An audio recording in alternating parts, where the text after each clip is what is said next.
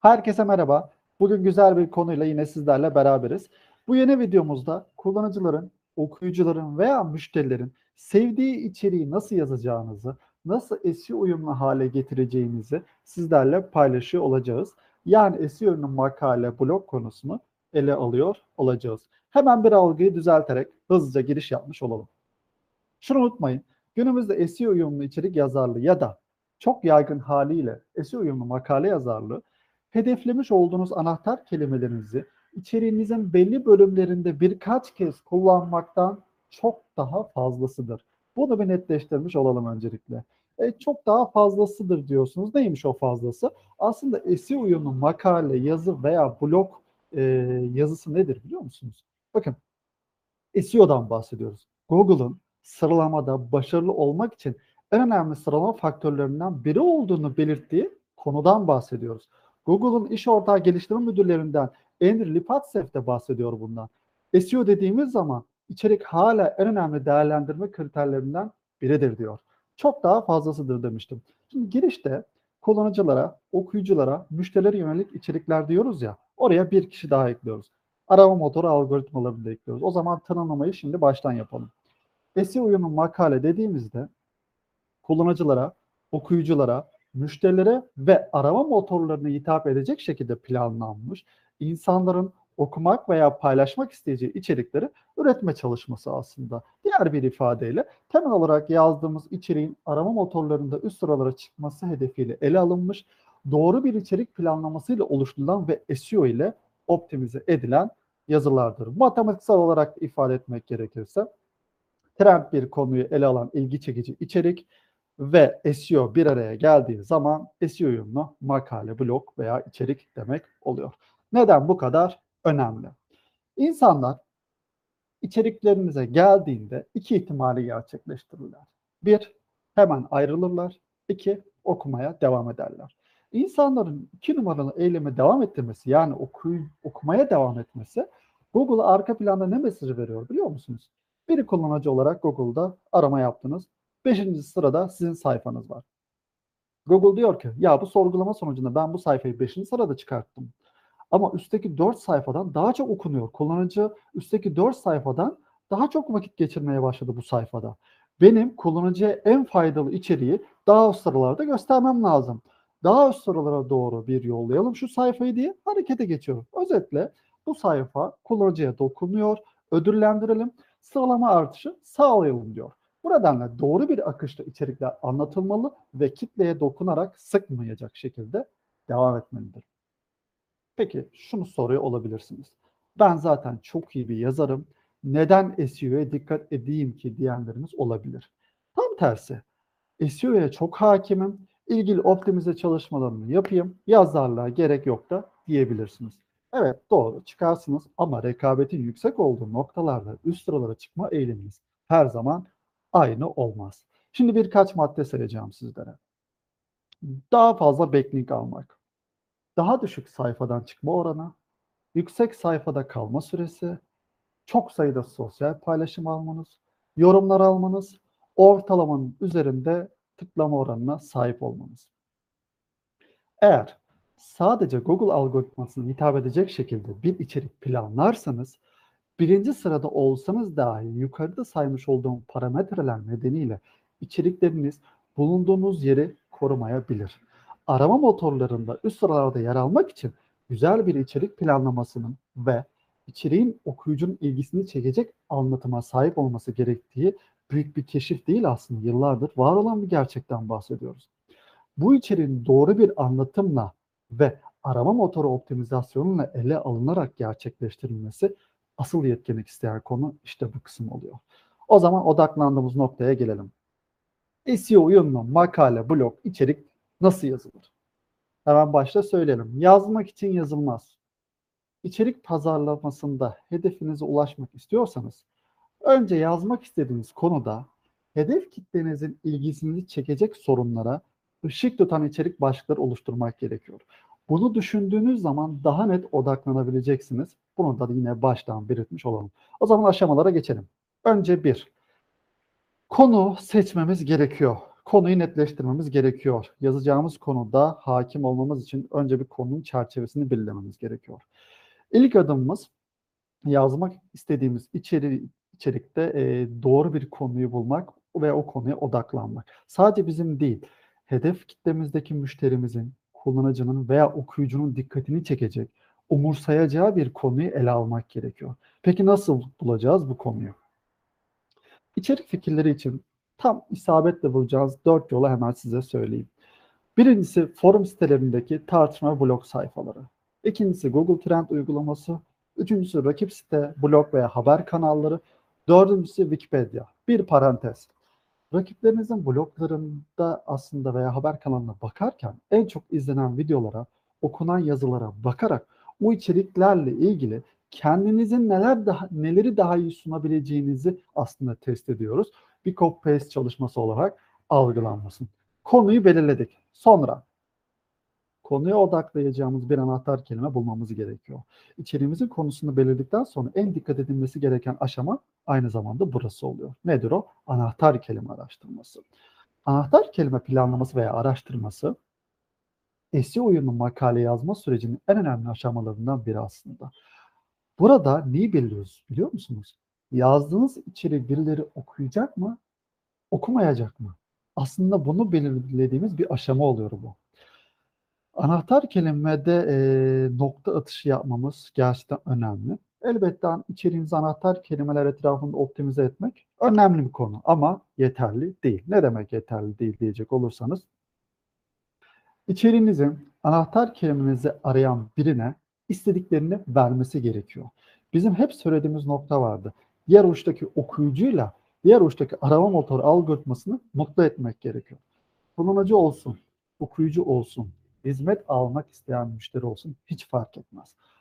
Neyi merak ediyorsa içerik kapsamı ona göre oluşturulması gerekiyor. Örnekle taçlandıralım. Şu anki videomuzun konusundan gidelim. SEO uyumlu makale yazmak isteyen bir kişi Google'da SEO uyumlu makale yazmak diye bir aramayı aradığında, sorguladığında görmek istediği ne olur? En önemli nokta kendisini yönlendirecek bir rehber ister, kılavuz ister veya stratejilerin yer aldığı 10-20 maddelik sıralı listeleri görmek ister. Uygulamalı örnekleri görmek ister. Özette, özetle aslında mevcutta e, Google'un faydalı olarak üst sıralarda hangisini çıkarttıysa görmek istediği en yakın sonuçta aslında ona yakın olacaktır. E, hem Google için faydalı hem de okuyucu için faydalı noktaları doğru SEO stratejisiyle taşlandırdığımız zaman ilk sayfalara doğru içeriğimiz adım adım yürüyecektir. İlk olarak anahtar kelimeyi belirleme aşamasında şunu yapabilirsiniz. Google arama sorgulama ekranı var biliyorsunuz. Hani SEO'ya yazdığımız zaman SEO nedir, SEO ne demek, SEO uzmanları, SEO danışman, SEO ajansı gibi otomatik sorguda hemen karşımıza çıkarır listeler. İşte trend olan o arama eğiliminin yüksek olduğu sorguları bize aslında o an listeliyor. Anahtar kelime uzun veya kısa fark etmez. Anahtar kelimeleri e, bulmada burayı kullanabilirsiniz. Bu kısmı kullanabilirsiniz. Bu tekniğin aslında bana en hoş gelen yanı insanların o anda merak ettiği, sorguladığı anahtar kelimeleri bizlere göstermesi demek oluyor. Bu e, şu mesajı da veriyor aslında bize henüz arama sorgularının ultra düzeyde rekabetin yüksek olmadığını da gösteriyor. Ne demek istiyorum? Milli maç diye yazıldığında atıyorum. Kendisi o gün oynayacak e, bir milli maç varsa ve o gün gerçekten sorgulanıyorsa onlar o sorguyu iki ülke arasındaki sorguyu bize hemen gösterir, önerir. Dolayısıyla e, rekabet düzeyinde buradan hem e, anlayabiliyoruz e, durum. İkinci olarak Google Keyword Planner kullanarak aslında ayda kaç kişinin konunuzla ilgili anahtar kelimeleri aradığını yine görebilirsiniz. Tabii bunun haricinde ücretli olan anahtar kelime araçları da var ama şu an en hızlı şekilde herkesin oluşturabileceği bir video konseptindeyiz. Daha basit yoldan sizlere anlatıyor oluyorum. Konuyu seçerken e, Wikipedia demiştim hatırlarsanız. Wikipedia sayfalarındaki içindekiler bölümü de sizlere fikir verebilir. Orada ele alınan konu başlıkları gerçekten içerikteki konu planlamanıza doğrudan katkı sağlar. Örneğin dijital pazarlama hakkında bir blog yayınladığımızı varsayalım. Wikipedia'daki dijital pazarlama sayfasına giderseniz orada yer alan içindekiler bölümü çok sayıda anahtar kelime fikirlerini aslında sizlere verecektir. Bu bilgiler çerçevesince aslında e, anahtar kelimemizi belirleyebiliriz. Artık içeriğimizi yazmaya da başlayabiliriz. Bir diğer aşama kapsamlı içeriği yazma aşaması. Google SEO uygulamaları videomuzda söylediğimiz üzere aslında e, kapsamlı içerikler, uzun içerikler, özgün içerikler daha iyi sıralama yapma eğiliminde olmaktadır. Asla başka bir içeriği copy paste yaparak içeriğimize dahil etmemeliyiz. Bilgileri gayet özgün ve konuyla alakalı bir şekilde ele almamız gerekiyor. Kapsamlı içerik yazmak da aslında bir sır değil. Yani içeriğimizin Google'da iyi konuma gelmesini istiyorsak en iyi olmayı hedeflemeli ve o şekilde içeriğimizi yazmamız gerekiyor. Şunu da belirtmek gerekiyor aslında. Uzun içerik de tek başına yeterli değil. Yeterli olması için az önce söylediğim gibi içeriğinizin hedeflediğimiz arama sonuçları için en iyi sayfa olması gerekiyor. Eğer bu kısmı basit alırsak sıralamaya girmekte zorlanabilirsiniz. Hatta çıkmayabilirsiniz de. Şaşırtıcı ve ilgi çekici içerik SEO başarısının altın anahtarıdır bana göre. Yani bir anahtar kelimeyi arayan birisine ihtiyaç duyduğu her şeyi verebileceğiniz bir içerik planlamamız gerekiyor. Uzun ve kapsamlı içerikler için az önce daha iyi sıralama yapma eğilimini e, söylemiştim. Neden böyle biliyor musunuz? Google'da yayınlamış olduğunuz makale veya blog sayfasının konusu hakkında daha fazla bilgi vermemizi sağlıyor Google'a. Teyitleme diyoruz biz buna. Google'un sayfanızın hedeflenen anahtar kelime için gerçekten alakalı sonuç olduğundan bir nevi emin ol, emin olmasını sağlıyoruz. Bir diğer konu doğru bir planlamayla yazıldığı zaman sosyal paylaşım çekme eğilimi de fazla oluyor. Ayrıca yazmış olduğunuz uzun makaleler veya blog yazıları doğru bir şekilde oluşturulduğunda Google'a kısa içerikten daha iyi yanıt verdiği anlamı da taşımakta. Yani uzun nitelikte içerik yazmak sizin için bir rekabet avantajı sağlıyor. SEO uyumlu içeriği bu kapsamda yazdık. Peki sonraki aşama. Kullanıcılar için optimize etme, okuyucular için optimize etme, müşteriler için optimize etme. Artık ortada bir içeriğimiz var. Bu içeriği kullanıcılar, okuyucular, müşteriler ve Google algoritmaları için optimize etmek gerekiyor. İçeriğimizin değer bulması için okunması gerekiyor öncelikle. Okunması için de tabii ki anlaşılabilir olması gerekecek. Eğer içeriğiniz düz yazıdan ibaretse okunması ve anlaşılması kolay değilse rekabet seviyesi yüksek olan kelimelerde üst sıralarda yer alma eğilimi daha zor olacaktır. SEO'sunu çok iyi yapsanız dahi belli bir noktaya kadar yükselecektir. Neden belli bir noktaya kadar yükselir derseniz Google artık search'lerde yani arama motoru sonuç sayfalarında hangi sonuçların birinci sırada yer almayı hak ettiğini bulmak için backlink gibi geleneksel sıralama sinyallerini ek olarak kullanıcı deneyimi sinyallerini kullanıyor. Az önce sizlere sayfada kalma süresi, erken ayrılma süresi e, gibi parametreler saymıştım. İşte kullanıcı deneyimi sinyalleri burada devreye giriyor. Kullanıcı sayfanıza geldiğinde iki ihtimal var demiştim. Ya sayfanızı terk edecek ya da okuyacak. İşte okunmasını sağlarsanız sıralama artışı elde etmeniz kaçınılmazdır. Bir basamak bile yüksekte olmanın e, tıklama oranının ne kadar etki ettiğini düşünürsek bu konu üzerinde aslında ciddi ciddi düşünmemiz gerekiyor.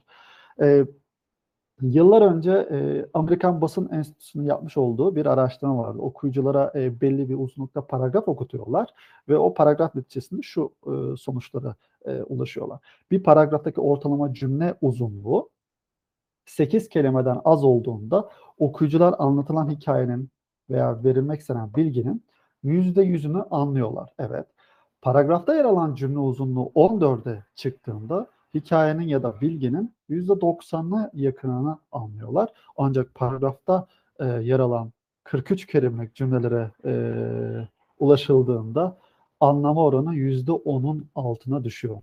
Buradan ne anlamalıyız? Aslında araştırmalar cümleleri uzun bırakmayın, bölün diyor. Cümle ne kadar uzun olursa okuyucular tarafından o kadar düşük seviyede anlaşılır ve daha sayfanızın başında uzun uzun cümlelerle karşılaşırsa sayfanızdan uzaklaşıp gider. Yani bir numaralı senaryo gerçek olur. Hepimizin geçerli olan aslında e, bir durum bu. Eğer online bir sınavda kopya çekmek gibi uç noktada e, bir kişi siteye girmediyse ekranın bir ucundan diğer ucuna ulaşan o geniş metinli makale bloklardan e, hiçbirimiz aslında hoşlanmayız. Bu yüzden sitenizdeki her makalenin bloğun en başından başlayarak kısa cümlelerle okuyucuyu tutarak hazırlanması gerekir ve geniş olaraktan yazılmaması gerekiyor. Böylece insanların gözleri sağa sola şeklinde hareket etmek zorunda kalmaz. Son olarak içeriğinizi bölmek için alt başlık etiketlerini de mutlaka kullanın. Ee, bu özellikle uzun e, yazılan içerikler için oldukça önemli bir kıstastır. Genelde e, 200-250 kelimede bir alt başlık kullanabilirsiniz. Ee, yine kullanıcıları kullanıcılar için optimize etmek adına e, siteniz dışındaki sayfalara ve kaynaklara bağlantı vermenizi öneririz.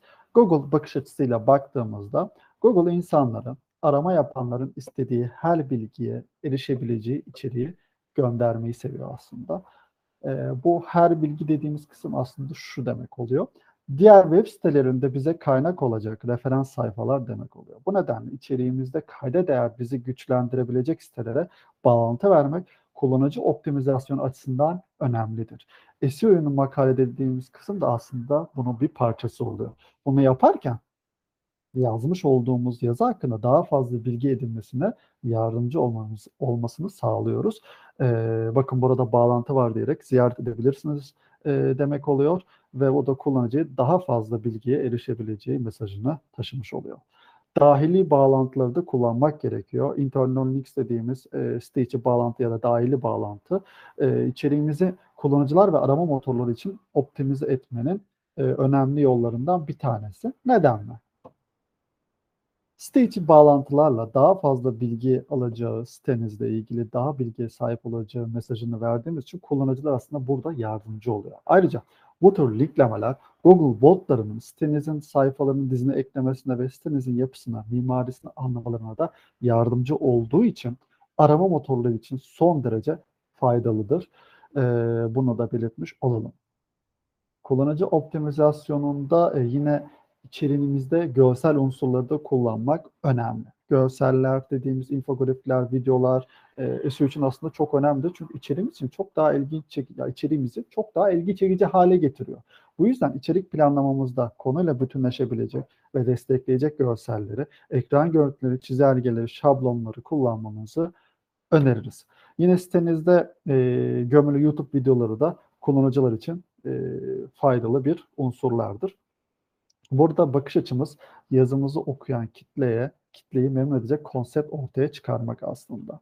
İçeriğinizde kaliteli görseller olduğunda Google sitenize gelen e, Google'dan sitemize gelen bir kitleyi aslında memnun etmiş oluyoruz. Videolarınızı seven insanlar YouTube videolarınızı izler. Okumayı seven insanlar da zaten akıcı bir şekilde e, yazılmış blog yazınızı okurlar. Bir sonraki aşama aslında anahtar kelimeyle içeriğimizi optimize etme. Bu adım SEO dostu hale getirmenin aslında tamamıyla ilgili diyebiliriz. Ee, içeriğimize anahtar kelimeler ekleyerek SEO'nu e, makale yazmak, içerik yazmak aslında bu adım büyük bir parçası oluyor. Ee, çokça sorulan soru da şu oluyor bize. SEO içeriğinizde anahtar kelimeler ne sıklıkla kullanılmalı? Aslında bu anahtar kelime kullanmanın formülsel bir karşılığı yok. Mükemmel bir anahtar kelime e, yüzdesi de yok kaç kez kullanıldığından daha çok anahtar kelimenizi kullandığınız yer daha önemlidir. Aslında Google için fazla kullanılması değil de alakasız kullanımı sorun teşkil ediyor. Anahtar kelimenize uygun yerde o nedenle kullanabilirsiniz dilediğiniz kadar. Tabii ki alakalı şekilde. Peki temel olarak nerelerde kullanmalıyız onu da e, hemen söylemiş olalım. URL'lerde yani permalink dediğimiz yerde, başlık etiketinizde yani method e, title dediğimiz kısımda, Bloğunuzun e, ilk paragrafında e, yine kullanmanızı öneririz. E, ve ana başlıklar, alt başlıklarda olması yine temel olarak e, bir SEO uygulaması e, oluyor anahtar kelimelerde. Tamam, tüm çalışmayı yaptık, bitirdik. Yayınla e, düğmesine bastıktan sonra SEO uyumlu e, makale işlemi tabii ki bitmiyor. Optimize etmeye devam etmek gerekiyor. Bunun haricinde tıklamalar için de başlık etiketlerini optimize etmemiz önemli. E, buradaki başlık etiketinden kastım aslında organik tıklama oranı. E, bu organik tıklama e, oranı aslında Google'ın değerlendirme kriterlerinden biri. Daha doğrusu sıralama faktörlerinden biridir. Anahtar kelimenizi meta title dediğimiz e, başlık etiketinize eklemenin yanı sıra tıklanma oranı içinde optimize etmek gerekiyor. Bunu nasıl yaparız? İlgi çekici, duygu yüklü başlıklar yazmak her zaman burada doğru olandır.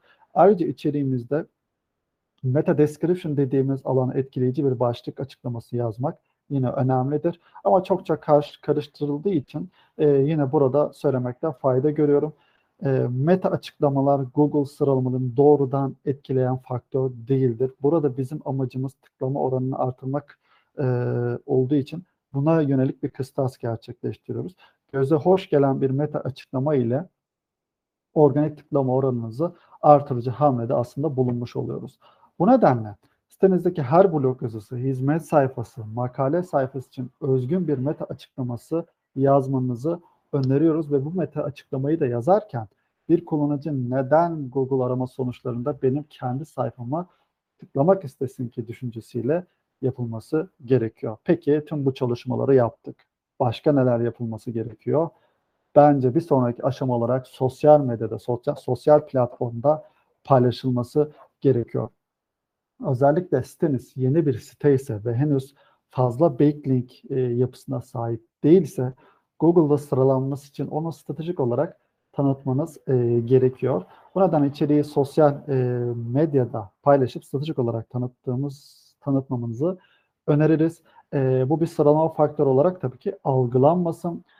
E, peki nasıl başlarız? İlk olarak yayınlamadan önce tabii ki e, içeriklerinizle ilgili e, ilgilenecek kişileri de bu arada e, ulaşabilirsiniz. E-mail gönderebilirsiniz. E, yayınladıktan sonra tabii ki LinkedIn'de paylaşabilirsiniz. Her kanalı kullanarak bir tanıtımın yapılması gerektiğini ben düşünüyorum. Sosyal medyanız ne kadar küçük e, yani küçük kitleye de e, sahip olabilir. Problem değil. Gruplar var. LinkedIn veya Facebook gruplarında da bu, bu durumu e, tolere edebilirsiniz. Ve son e, olarak, son aşama olarak da sonuçları analiz etmek gerekiyor. Şimdi buradaki son adım yayınlamış olduğunuz içeriğinizin nasıl performans gösterdiğini gözlemlemek demek oluyor aslında. Bunu yapmak için de sayfamızın arama motoru sıralamasını iyi bir şekilde takibe almak gerekiyor. Bunu e, yapmak için kullandığımız araçlar tabii ki Google Analytics, Search Console aracını kullanarak analizleri değerlendirmeli ve sürekli iyileştirme çalışmaları yaparak SEO uyumlu makalenizi veya blogunuzu üst sıralara taşıyabilirsiniz. Bu ilk sıralara, ilk sayfalara çıkma süreci bir günde, bir haftada olmuyor. Onu da baştan yine e, belirtmiş olalım.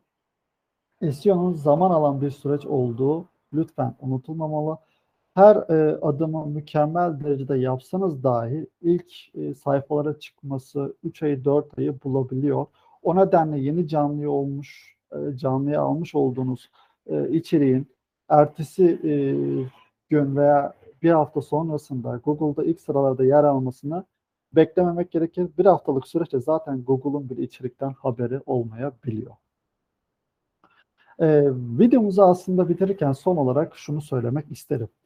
SEO uyumlu makale yazarken şu ayrımı yapmak gerekir. İçeriklerinizi cansız nitelikte olan anahtar kelimelerde sıralama yapmak amacıyla yazmak ile nefes alan bizleri, okuyucuları, müşterileri düşünerek yazmak farklıdır. Bu dengeyi oturtmak en güzel olanıdır. Önce okuyucu dostu, sonra SEO dostu olması gerekir diyelim ve bitirmiş olalım. Umarım videomuz e, yine sizlere faydalı olmuştur, değer sağlamıştır.